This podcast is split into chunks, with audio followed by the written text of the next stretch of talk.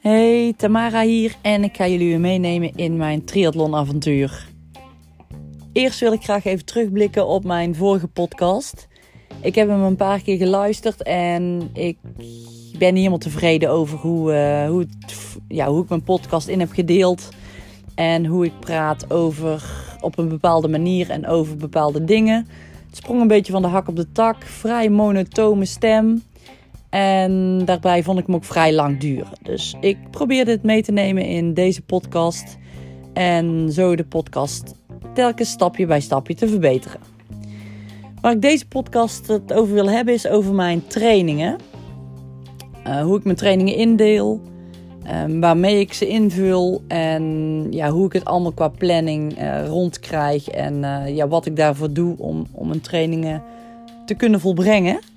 En mijn trainingsvolume is afgelopen week omhoog gegaan. Ik ben denk ik eind vorig jaar gestart met een trainer.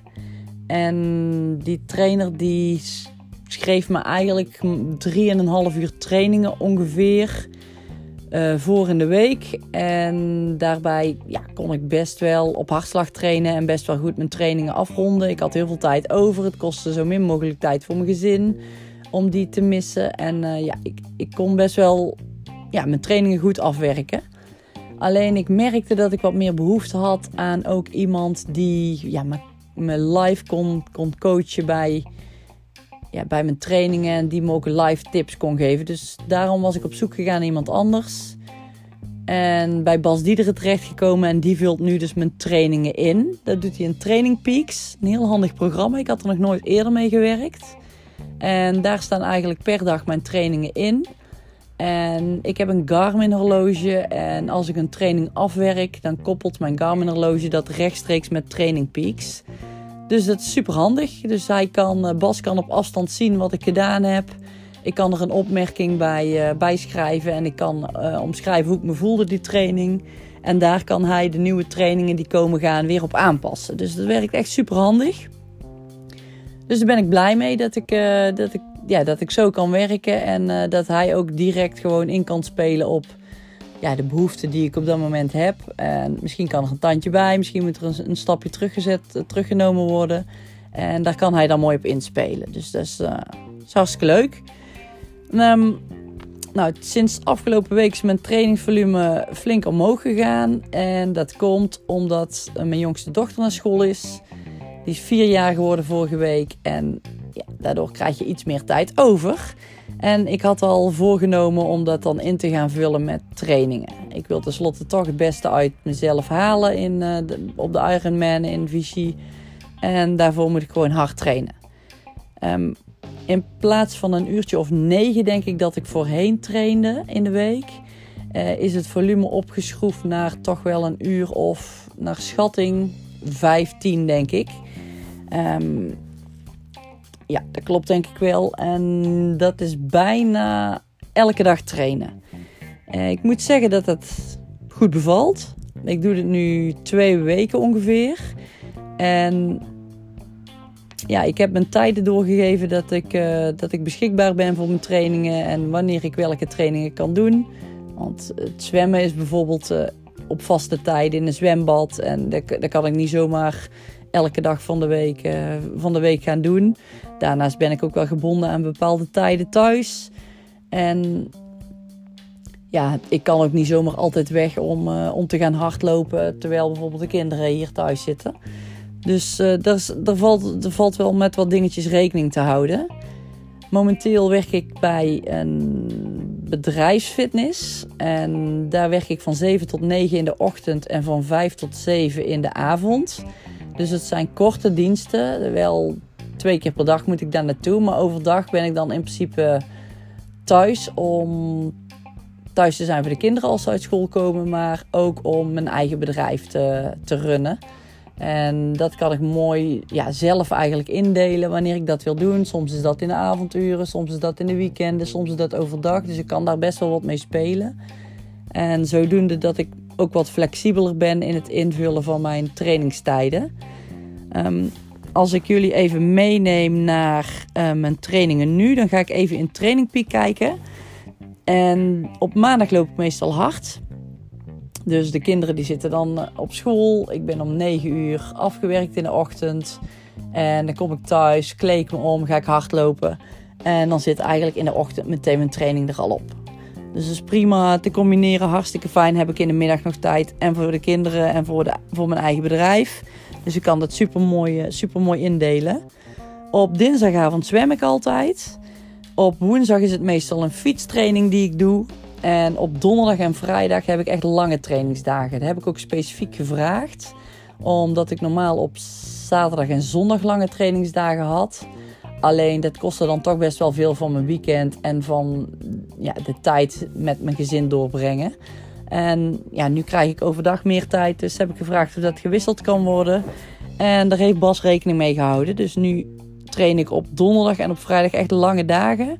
En dan heb ik op zaterdag en op zondag wat kortere trainingen, waardoor ik uh, ja, meer tijd met mijn gezin door kan brengen. Dus die combinatie is echt perfect. En zo kan ik, uh, ja, kan ik mooi mijn trainingen afwerken om uh, zo goed mogelijk te gaan presteren straks. Ik ben vorige week vrijdag bij Bas geweest. Ik heb toen ook voor het eerst een wat langere training afgewerkt. Ik ben toen eerst gaan zwemmen. Ik denk dat ik een 2500 meter heb gezwommen in Eindhoven in het Pieter van de Hogebandbad. En meteen daarna heb ik me omgekleed, eventjes wat uh, een reepje genomen. En daarna ben ik hardlopend naar huis gegaan. Dat was de eerste keer dat ik dat had gedaan. En het hardlopen was ook 18 kilometer ongeveer. Dus ik moest ook even kijken hoe gaat dat na het zwemmen. Ging dat goed? Hoe, ging het, hoe was het met mijn benen? Hoe ging het met mijn energie? Maar het was eigenlijk super goed gegaan. Het enige ja, stukje vermoeide, stukje vermoeide training was toch wel het zwemmen. Want er zat een pittige training in. Bas die schrijft dan een training voor waarbij ik een elastiek om mijn enkels moet doen.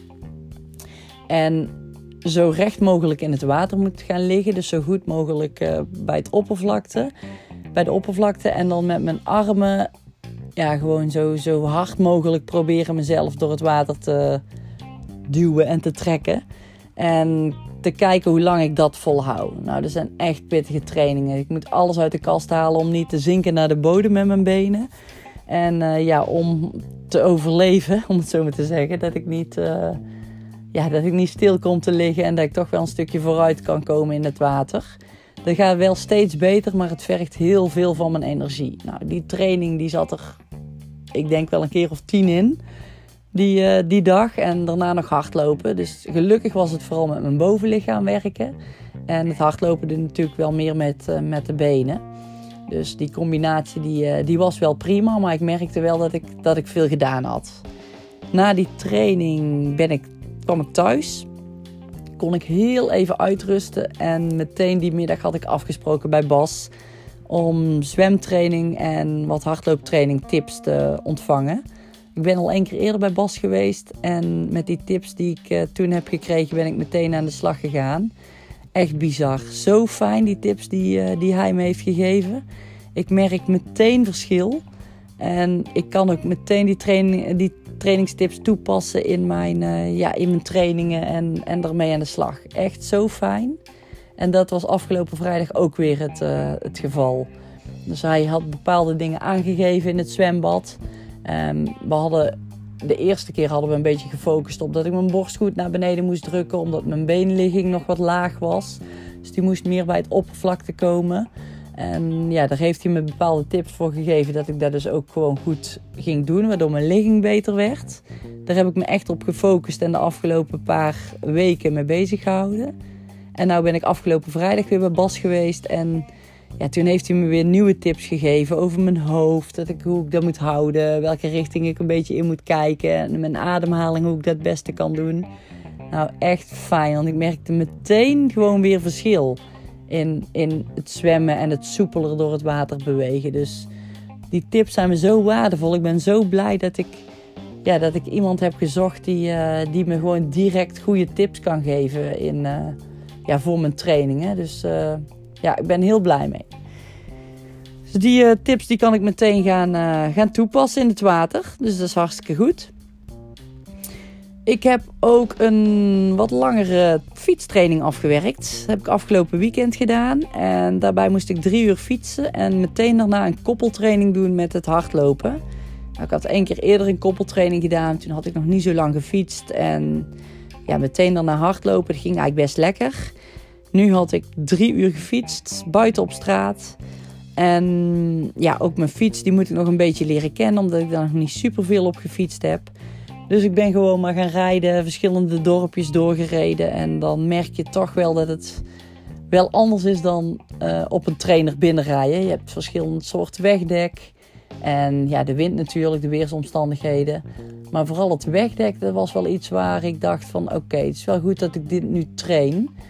Um, want ook de, vooral de kinderkopjes en de slechtere paden, die, uh, die trillingen daarvan... Die, ja, die voelde ik soms toch echt wel in mijn nek doorschieten.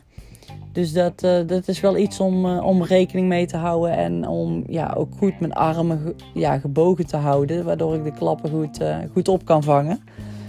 Um, dus dat was best wel een, ja, een fijne training. Het was super lekker weer. Maar ook wel pittig omdat ik best goed door had getrapt. Maar ik kwam er ook meteen achter dat, ik, ja, dat het goed is dat ik dat ook gewoon buiten doe en, en bezig ben. En leer wat er gebeurt in zo'n training. Want nou was bijvoorbeeld mijn schoen ineens losgegaan. Mijn bovenste clipje, mijn bovenste riempje. Uh, waarbij er dus een schroefje uit mijn, mijn clipje is gedraaid. En wat ik dus kwijt ben geraakt onderweg. Ik heb er verder eigenlijk helemaal niks van gemerkt. Maar ja, wel iets waarbij je natuurlijk niet wil dat dit gebeurt in een wedstrijd. Dus ja, heel goed dat het nu is gebeurd. Dan kan ik daar nu ook weer op anticiperen en zorgen dat ik dat schroefje dus vastlijm. Dat het dus niet meer los kan gaan tijdens, zo'n, uh, tijdens, de, tijdens de trainingen. Dus zo zijn er steeds wel dingetjes die, uh, die voorbij komen en die, uh, ja, waar je gewoon rekening mee kunt houden. Zo, of ben ik bang, dat is een groot woord, maar ik, ja, het is, het is toch wel iets dat ik denk van oké, lek rijden, hoe zou dat gaan? Wat als in een wedstrijd gebeurt, als je toch je je band lek rijdt, dan moet je die helemaal gaan wisselen. Hoe lang duurt dat? Hoeveel tijd gaat dat kosten? Krijg je dat allemaal wel voor elkaar om dat te doen? Uh, ja, er zijn allemaal best wel wat vragen die, uh, die naar boven komen. Oh, ik heb nog niet lek gereden. Ik heb wel altijd een reservebandje bij. Maar uh, ja, ik moet wel zorgen dat ik dat ook eens een keer ga oefenen. Een bandje leeg laten, eventjes eruit halen. En ja, met zo'n zo'n sleutelsetje en van die bandenliftertjes. Zorgen dat er een nieuwe band weer in kan. En, en kijken hoeveel tijd het kost en of het, ja, of het überhaupt allemaal wel goed, uh, goed gaat, zo'n uh, zo'n wisseling. Dus ja, er zijn toch wel dingetjes die, ja, die, waar je gewoon rekening mee moet houden. Dus het is goed dat je er tijdens zo'n training over nadenkt. En uh, ja, ook zo'n dingen, net zoals met zo'n schroefje, dat je dat meemaakt. Um, ja, waardoor je straks niet voor verrassingen komt te staan. Dus dat was mijn, ja, mijn fietservaring. Meteen na het fietsen had ik drie uur gefietst. Kwam ik thuis, fiets achterom neergezet. Ik had mijn schoenen en mijn drinkflesje al klaargezet in de schuur. Dus ik parkeerde mijn fiets, fietsschoenen uit, hardloopschoenen aan. Ik had mijn trisuit pak, pakje aan. Dus ik kon dat pakje wat ik voor het fietsen had, kon ik meteen voor het hardlopen ook aanhouden. Schoenen wisselen, nou dat was nog wel een ding. Want mijn voeten waren best wel koud geworden van het fietsen. Die sliepen eigenlijk ook. Dus dat is ook niet helemaal een goed teken. En met het in mijn schoen stappen van de wisseling, ja, had ik niet echt super goed gevoel in mijn voet. Waardoor ik dus halverwege mijn schoen, ja, een beetje mijn tenen alleen in mijn schoen aan het duwen was. En mijn andere helft van mijn tenen, die staken nog buiten de schoen. Dus ja, dat, dat was wel iets wat ik, ja, wat, ik ook geen rekening mee had gehouden, maar wat wel gebeurde. Dus ik moet ervoor zorgen dat ik mijn voeten goed beweeg. Misschien even kijken of mijn schoenen wel helemaal uh, lekker zitten. Want ze zijn wel goed afgesteld, dat wel. Um, maar ja, goed, dat was dus wel iets dat ik dacht van... oké, het is niet fijn als mijn voeten slapen, ze koud zijn... en je moet zo gaan starten met het hardlopen. Nou, uiteindelijk schoenen aangekregen is toch best nog wel vlot gegaan drinkflesje mee, uh, horloge op start drukken en rennen maar. Nou, dat was echt pittig. Mijn benen die voelden als betonblokken. Ik dacht, ik dacht echt van oké, dit, Zo voelt het dus, dus als je mensen daarover hoort. Van uh, het is echt wel pittig als je dat uh, nog niet gewend bent. Nou, daar had ik dus precies hetzelfde. Ik, ik had het idee dat ik niet vooruit kwam. Mijn voeten waren zo zwaar. De verzuring zat in mijn billen en in mijn, in mijn hamstrings. En ja, dat ging er bijna niet uit. Ik denk dat ik er wel een kilometer of vijf over heb gedaan. Voordat ik dacht van oké, nu voelt het iets beter. En toen was het nog niet helemaal weg. Dus het was echt pittig. Het was een zware training. En ja, voor mij meteen ook weer het idee van oké, dit moet ik vaker oefenen. Want uh, dit wil ik niet dat het straks gaat gebeuren. En uh, dat ik ja, zo'n zware benen heb met het, uh, na de training. Dat, ja, dat schiet gewoon niet op. Uiteindelijk toen ik mijn tijd achteraf terugkeek, viel het me toch nog wel mee. Ik had gedacht dat ik een stuk langzamer had gelopen. Um, dus dat was goed. Maar ja, goed, het gaat ook over mijn gevoel. Ik moet me er ook prettig bij voelen. En uh, dat, is, uh, dat was op dat moment niet, uh, niet echt het geval. Dus dat is iets wat waarschijnlijk wat vaker op mijn trainingsprogramma zal komen te staan. In um, begin mei ga ik meedoen aan mijn eerste 1-8ste triathlon. Nou, dus 500 meter zwemmen. En ik wil zorgen dat ik dan fris uit het water kom. Dat is mijn voornaamste reden. Ik ga niet voor een tijd. Ik, eh, ik heb geen bepaalde tijd in gedachten. Ik wil zorgen dat ik fris uit het water kom. Goed op de fiets kan stappen. En na het fietsen ook nog gewoon fatsoenlijk mijn 10 kilometer kan, uh, kan rennen. Um, of mijn 5 kilometer zelfs. Dus dat is uh, mijn voornaamste reden om, uh, ja, om mee te doen. Om de ervaring in die, uh, in die triathlon te krijgen en in die wisselingen te krijgen.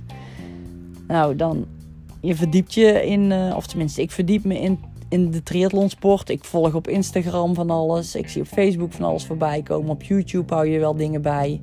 Nou, dan komt er ineens naar voren dat uh, in de Ironman in Zuid-Afrika... dat daar twee mensen zijn overleden tijdens, de, tijdens het zwemmen. Nou, dat, dat doet me dan toch wel iets. Ja, het is, zwemmen is al niet mijn sterkste onderdeel. Ik ben ook best wel, ik heb ook best wel schrik van oké, hoe zit het dadelijk in open water?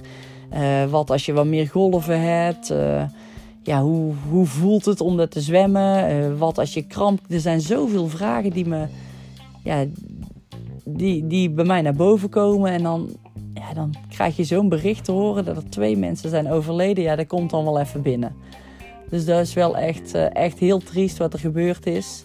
Volgens mij had eentje um, iets aan zijn hart en de andere had kramp gekregen. Ik weet niet precies wat, het, uh, wat de oorzaken waren, maar dat, dat is in ieder geval wel wat ik meegekregen heb.